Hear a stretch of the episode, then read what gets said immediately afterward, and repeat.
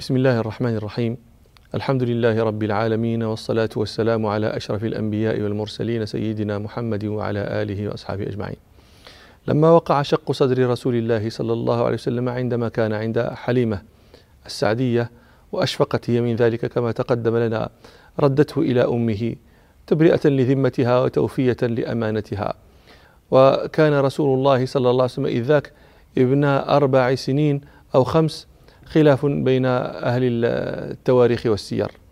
وها هنا سؤال. ما الذي كان يحمل قريشا ونحوهم من أشراف العرب أن يدفعوا أولادهم إلى المراضع مع ما تقتضيه العاطفة من استصعاب ذلك واستكراهه والجواب أن ذلك قد يكون لوجوه إما لتفريغ النساء الأزواج فإن اشتغال النساء بأولادها يصرفها عن اشتغالها بأزواجها. وهذا كما قال عمار بن ياسين رضي الله عنه لأم سلمة رضي الله عنها وكان أخاها من الرضاعة. آه، دعي هذه المشقوحة المقبوحة يقصد زينب بنت أبي سلمة التي آذيت بها رسول الله صلى الله عليه وسلم. روى أحمد وأبو يعلى عن أم سلمة رضي الله عنها في قصة زواجها من رسول الله صلى الله عليه وسلم. الحديث الطويل وفيه أن رسول الله صلى الله عليه وسلم بعد أن عقد عليها كانت آه، إذا جاءها صلى الله عليه وسلم تأخذ زينب فتضعها في حجرها لترضعها. وكان رسول الله صلى الله عليه وسلم حييا كريما يستحيي فإذا آه، رأى ذلك رجع صلى الله عليه وسلم ففعل ذلك مرارا ففطن عمار آه، بن ياسر لما كانت تصنع. فجاء ذات يوم فدخل عليها ثم انتشطها من حجرها وقال لها دعي هذه المقبوحة المشقوحة التي أذيت بها رسول الله صلى الله عليه وسلم. فذهب بها. فلما جاء رسول الله صلى الله عليه وسلم ودخل جعل يقلب بصره في البيت صلى الله عليه وسلم يقول أين زناب؟ ما فعلت زناب؟ فقالت أم سلمة جاء عمار. فذهب بها. فبنى رسول الله صلى الله عليه وسلم حين ذلك بأهله. هذا السبب. وقد يكون أيضا لينشأ الطفل في الأعراب فيكون ذلك أفصح للسانه وأجلد لجسمه وأجدر أن لا يفارق الهيئة المعدية كما قال عمر رضي الله عنه فيما رواه أحمد بن حبان أنه رضي الله عنه قال ألقوا الركب وانزوا نزوا وعليكم بالمعدية. الركب الركب جمع ركاب. الركاب هو الغرز الذي يضع فيه الفارس أو الراكب رجله ليرتقي فوق راحلته. آه، لكن بعض يفرق يقول آه، هو غرز إذا كان من جلد فإذا كان من خشب أو من حديد فهو ركاب. فيقول هو رضي الله عنه ألقوا الركب ألقوا هذه الركب لا تستعينوا بها في آه، ارتقاء دوابكم إنما ثبوا يقول هو وانزوا نزوا أي ثبوا فوق آه، خيلكم فذلك أقوى لكم وأنشط, لك وأنشط لكم. ويقول وعليكم بالمعدية. يريد خشونة العيش وخشونة اللباس آه، تشبها بمعد بن عدنان. ومثل ذلك ما رواه الطحاوي في شرح مشكل الآثار عن أبي عثمان النهدي. قال أتانا كتاب عمر بن الخطاب رضي الله عنه وفيه اخشوشنوا واخشوشبوا واخلولقوا وتمعددوا كأنكم معد. ونشوء الطفل في الأعراب في البادية يكون أجلد لجسمه وأفصح للسانه وقد كان رسول الله صلى الله عليه وسلم أفصح الناس لسانا وأتمهم بلاغة. وقد ذكروا أن عبد الملك بن مروان الخليفة الأموي المعروف كان يقول أدر بنا حب الوليد. الوليد بن عبد الملك أكبر بني عبد الملك لم يرسله أبوه إلى البادية لفرط محبته إياه فنشأ لحانا أقام مع أمه فنشأ لحانا فكان يقول آه، عبد الملك أدر بنا حب الوليد. بينما إخوته سليمان ويزيد ومسلمة وغيرهم آه، نشأوا في البادية فتعربوا وتأدبوا. فأرجع رسول الله صلى الله عليه وسلم إلى أمه فمكث معها وربنا سبحانه يكلأه ويحفظه وينشئه النشأة الحسنة لما يريد به ربنا سبحانه من كرامته. ثم لما بلغ صلى الله عليه وسلم آه، أربع سنين في قول جماعة أو وستا في قول جماعة أخرى توفيت أمه آمنة بنت وهب بن عبد مناف بن زهرة بن كلاب بن مرة بن كعب بن لؤي بن غالب بن فهر إلى آخر النسب المعروف. قد كانت ذهبت برسول الله صلى الله عليه وسلم تزيره أخواله من بني نجار في يثرب في المدينة فتوفيت في طريق عودتها بالأبواء هو موضع بين مكة والمدينة. وقد زار رسول الله صلى الله عليه وسلم بعد ذلك قبر أمه بالأبواء. روى مسلم في الصحيح عن أبي هريرة رضي الله عنه أن أن رسول الله صلى الله عليه وسلم زار قبر أمه بالأبواء فبكى وأبكى من حوله صلى الله عليه وسلم وقال إني استأذنت ربي في أن أستغفر لها فلم يأذن لي واستأذنته في أن أزورها فأذن لي فزوروا القبور فإنها تذكر الموت.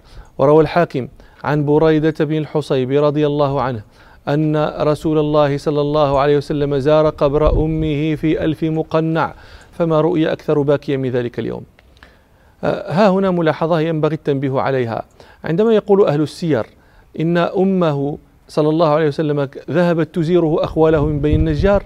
قد يظن من لا علم له بالأنساب والتواريخ أن أمه نجارية وأن أخواله هؤلاء هم إخوة أمه وهذا غلط. فقد تقدم لنا أن أمه قرشية زهرية فإنها آمنة بنت وهب بن عبد مناف بن زهرة بن كلاب وهؤلاء نجاريون. فما معنى هذه الخؤولة؟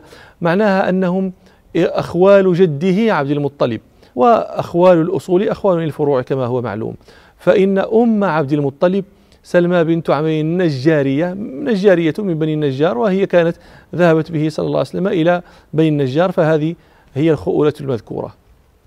لما توفيت آمنة بنت وهب كان رسول الله صلى الله عليه وسلم مع جده عبد المطلب فنشأ في كفالته ورق له جده كما يعهد من الأجداد الذين يكون لهم حفدة أيتام. فيرقون لهم ما لا يرقون لغيرهم من أبناء أبنائهم فضلا عن أبنائهم. يذكر أهل التواريخ والسير أن عبد المطلب كان يبسط له فراش في ظل الكعبة فيجلس أبناؤه حول الفراش لا يجلس أحدهم عليه إجلالا له وينتظرون حتى يخرج عبد المطلب. فكان رسول الله صلى الله عليه وسلم يأتي وهو غلام فيجلس على الفراش. فإذا ذهب أعمامه ليؤخروه يقول عبد المطلب دعوا ابني اترك ابني فيجلسه معه على فراشه ويمسح على ظهره ويسره ما كان يصنع. وهذا وإن لم يكن له إسناد قائم لكن هذا غير مستبعد لأن مثله يكون كثيرا. كما قلت لكم من الأجداد الذين لهم حفيد يتيم فيرقون له ما لا يرقون لغيره. فكيف إذا كان اليتيم؟ رسول الله صلى الله عليه وسلم مع ما يهيئ الله له من عطف آه، أوليائه عليه ورحمتهم به. فلما بلغ رسول الله صلى الله عليه وسلم ثمانية سنين هلك عبد المطلب. وكان أوصى به آه، عمه أبا طالب لأن أبا طالب وعبد الله أبا رسول الله صلى الله عليه وسلم أخوان لأب وأم شقيقان فأمهما هي فاطمة بنت عمرو بن عائذ المخزومية. وذكروا أن عبد المطلب قال فيما يوصي أبا طالب أوصيك يا عبد مناف بعدي بموحد بعد أبيه فردي فارقه وهو ضجيع المهدي فكنت كالأم له في الوجد تدنيه من أحشائها والكبد. ويقال إن عبد المطلب قال أيضا أوصيت من كنيته بطالب عبد مناف وهو ذو تجارب بابن الذي قد غاب غير آيب فحفظ أبو طالب وصية أبيه. وكفل رسول الله صلى الله عليه وسلم فكان معه. فلما بلغ رسول الله صلى الله عليه وسلم اثنتي عشرة سنة فيما يذكره الطبري رحمه الله ذهب أبو طالب آه، في تجارة إلى الشام فأخذ معه رسول الله صلى الله عليه وسلم وقد كان هم أولا آه، أن لا يذهب به فيقال إن رسول الله صلى الله عليه وسلم بكى فذهب به عمه وفي هذه الرحلة رآه بحيرة الراهب المعروف وكان بحيرة آه، إليه انتهى علم النصرانية. روى الترمذي والحاكم عن أبي موسى الأشعري رضي الله عنه قال خرج أبو طالب في تجارة إلى الشام ومعه رسول الله صلى الله عليه وسلم في أشياخ من قريش. فحلوا رحالهم فخرج إليهم الراهب وكانوا قبل ذلك يمرون به فلا يخرج إليهم ولا يلتفت. قال فهم يحلون رحالهم فجاء الراهب إليهم فجعل يتخللهم حتى أتى رسول الله صلى الله عليه وسلم فأخذ بيده وقال هذا سيد العالمين هذا رسول رب العالمين يبعثه الله رحمة للعالمين. فقال له أشياخ من قريش وما علمك؟ قال إنكم حين أشرفتم من العقبة لم يبق شجر ولا حجر إلا سجد ولا يسجدان إلا لنبي وإني أعرفه من خاتم النبوة أسفل من غضروف كتفه مثل التفاحة.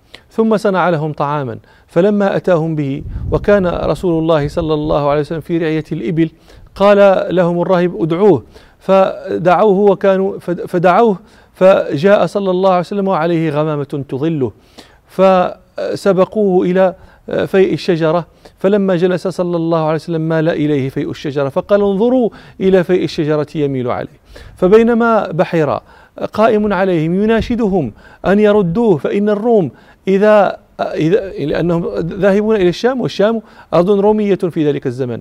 يقول فإن الروم إن رأوه عرفوه بالصفة فيقتلونه. فبينما هو قائم يناشدهم إذ أقبل سبعة من الروم فأتاهم بحيرا قال ما شأنكم؟ قالوا جئنا. إن هذا النبي خارج هذا الشهر فلم يبق طريق إلا بعث إليه بأناس وإنا بعثنا ها هنا. فقال لهم بحيرا أفرأيتم أمرا؟ إن أراد الله أن يقضيه أيستطيع أحد من الناس أن يرده؟ فقالوا لا. فناشدهم فمكثوا بايعوه ومكثوا معه. بايعوه أي بايعوه على أن لا يقتلوا رسول الله صلى الله عليه وسلم وأن لا يرجعوا ومكثوا معه. فجعل فقال بحيرالي لقريش أنشدكم بالله أيكم وليه؟ فقالوا أبو طالب فلم يزل يناشده حتى رده ولم يقدم به آه، إلى إلى الشام. وفي هذا يقول أبو طالب فيما يزعمون؟ ألم ترني من بعد هم هممته؟ بفرقة حر الوالدين كرامي بأحمد لما أنشددت مطيتي برحلي وقد ودعته بسلامي بكى حزنا والعيس قد فصلت بنا وأخذت بالكفين فضل زمامي. ذكرت أباه ثم رقرقت عبرة تجود من العينين ذات سجام فقلت تروح راشدا في عمومة مواسين في بأساء غير لئام فشب رسول الله صلى الله عليه وسلم وربنا سبحانه يكلأه ويحوطه ويحفظه من أقذار الجاهلية وأوضارها لما يريد ربنا سبحانه به من الكرامة. روى الحاكم عن زيد بن حارثة رضي الله عنه حديثا طويلا وفيه قال فأنخنا البعير الذي تحت رسول الله صلى الله عليه وسلم ثم قربنا إليه السفرة, السفرة التي فيها الشواء. فقال صلى الله عليه وسلم ما هذا؟ طبعا نحن نقول صلى الله عليه وسلم ديانة وإلا ففي هذا الزمن لم يكن رسول الله صلى الله عليه وسلم قد نبئ بعد. قال ما هذا؟ فقالوا آه هذا لحم ذبحناه لنصب كذا وكذا. فقال صلى الله عليه وسلم إني لا أكل مما ذبح لغير الله. وكان صنما من نحاس يقال له إساف ونائلة وكان المشركون يتمسحون به إذا طافوا. قال زيد فطاف رسول الله صلى الله عليه وسلم وطفت معه فلما مررت به مسحته فقال صلى الله عليه وسلم لا تمسه. قال زيد فطفت معه فقلت في نفسي لأمسنه حتى أنظر ما يقول. قال فمررت به فمسحته فقال ألم تنهى؟ قال زيد فوالذي أكرمه بما أكرمه به وأنزل عليه الكتاب ما استلمت صنما حتى أكرمه الله بما أكرمه به وأنزل عليه الكتاب.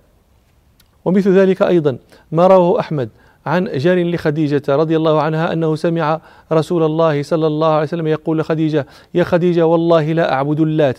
يا خديجة والله لا أعبد العزى. فكانت تقول له رضي الله عنها دعي اللات ودعي العزى. وكانت آه، صنمهم التي يعبدون. ومثل ذلك أيضا ما رواه الحاكم عن ابن عباس رضي الله عنهما قال كان أبو طالب يعالج زمزم وكان النبي صلى الله عليه وسلم ممن ينقل الحجارة وهو يومئذ غلام فأخذ رسول الله صلى الله عليه وسلم إزاره فتعرى ليتقي به الحجر فغشي عليه. فأتى الناس أبا طالب وقالوا له أدرك ابن أدرك ابنك. فقد غشي عليه. فأتاه. فلما فاق سأله عن غشيته. فقال صلى الله عليه وسلم أتاني آت عليه ثياب بيض. فقال استر عورتك. فقال ابن عباس فكان ذلك أول ما رآه النبي صلى الله عليه وسلم من النبوة. أن قيل له استر عورتك. فما رؤيت عورته صلى الله عليه وسلم من يومئذ. ومثل ذلك ما روى البخاري ومسلم في صحيحيهما. عن جبير بن مطعم رضي الله عنه قال أضللت بعيرا لي فخرجت ألتمسه في عرفة فرأيت رسول الله صلى الله عليه وسلم واقفا بعرفة فقلت هذا من الحمص فما شأنه؟ ها هنا. والحمص قريش. أطلق لقبت الحمص لتحمسها في دينها لتشددها فيه فيما كانت عليه من تقاليد دينية في الجاهلية. يقول جبير بن مطعم لما رأى رسول الله صلى الله عليه وسلم واقفا بعرفة هذا من الحمص. يتعجب أن يكون النبي صلى الله عليه وسلم من الحمص وهو واقف بعرفة. ذلك أن قريشا كانوا لا يقفون بعرفة إذا وقف الحجيج فيها ولا يفيضون منها إذا أفاض الحجيج منها لأنهم كانوا يقولون نحن آه، قطين الله نحن أهل حرم الله نحن ولاة البيت فليس لأحد من العرب مثل منزلتنا وليس لأحد من العرب مثل حقنا ولا تعرف العرب لأحد من الناس ما تعرفه لنا. فلا ينبغي أن نعظم شيئا من الحل كما نعظم الحرم فيستخف بنا العرب حينئذ. مع ولذلك كانوا لا يخرجون من من الحرم يعني في في منسك الحج وإنما كانوا يقفون بمزدلفة فبها يقفون ومنها يفيضون مع أنهم يعرفون أن الوقوف بعرفة والإفاضة منها من من من من مناسك الحج ومن دين إبراهيم ويرون أن الناس يجب أن يقفوا بعرفة وأن يفيضوا منها ولكن كانوا يقولون نحن أهل الحرم فلا ينبغي أن نخرج من الحرمه فيقفون بالمزدلفة ويفيضون منها. فلذلك قال ربنا سبحانه آه، لما أنزل القرآن ثم أفيضوا من حيث أفاض الناس. ثم أفيضوا يا قريش من حيث أفاض الناس أي سائر الحجاج فردهم سبحانه إلى عرفة للوقوف إلى الوقوف بها والإفاضة منها. فجبير بن مطعم يرى رسول الله صلى الله عليه وسلم في ذلك الزمن وهو من الحمص ويقف بعرفة صلى الله عليه وسلم كما يقف الناس لأنه لم يتلطخ بشيء من أوضارهم ولا من بدعهم. وهكذا لم يزل ربنا سبحانه. يكلأ رسوله صلى الله عليه وسلم ويحوطه ويحفظه حتى بلغ رسول الله صلى الله عليه وسلم أن كان أفضل قومه مروءة وأصدقهم لهجة وأكرمهم جوارا وأعظمهم حلما وأرعاهم أمانة وأبعدهم عن الفواحش وما يدنس الرجال من الأخلاق. حتى ما حتى ما يعرف في قومه إلا باسم الأمين صلى الله عليه وسلم وإلى لقاء آخر إن شاء الله والحمد لله رب العالمين.